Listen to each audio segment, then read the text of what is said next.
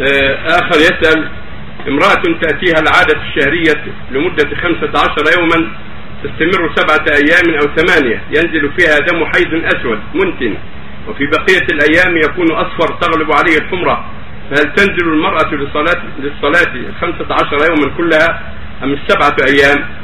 الحيض لا حد ليقله ولا ليأكثر على الصحيح لا حد ليأكثره ولا ليقله فإذا كان من عددها خمسة عشر يوم بعضها أسود وبعضها أصفر وبعضها أحمر لا تصلي ولا تصوم ولا فيها زوجها في ذلك حتى تطهر.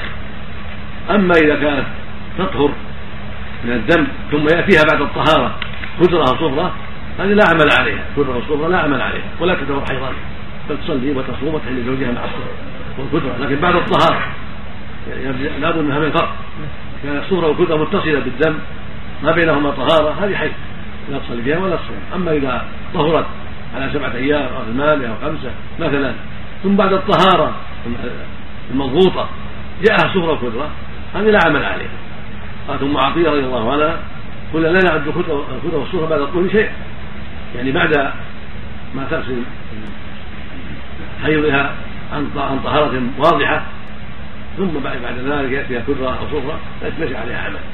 بل تصلي فيها وتصوم وتحل زوجها وتعمل ما تعمله المستحاضة من الوضوء بعد دخول الوقت والتحفظ من هذا الدم. بالقطن ونحوه حتى يزول. لا مثل مثل البول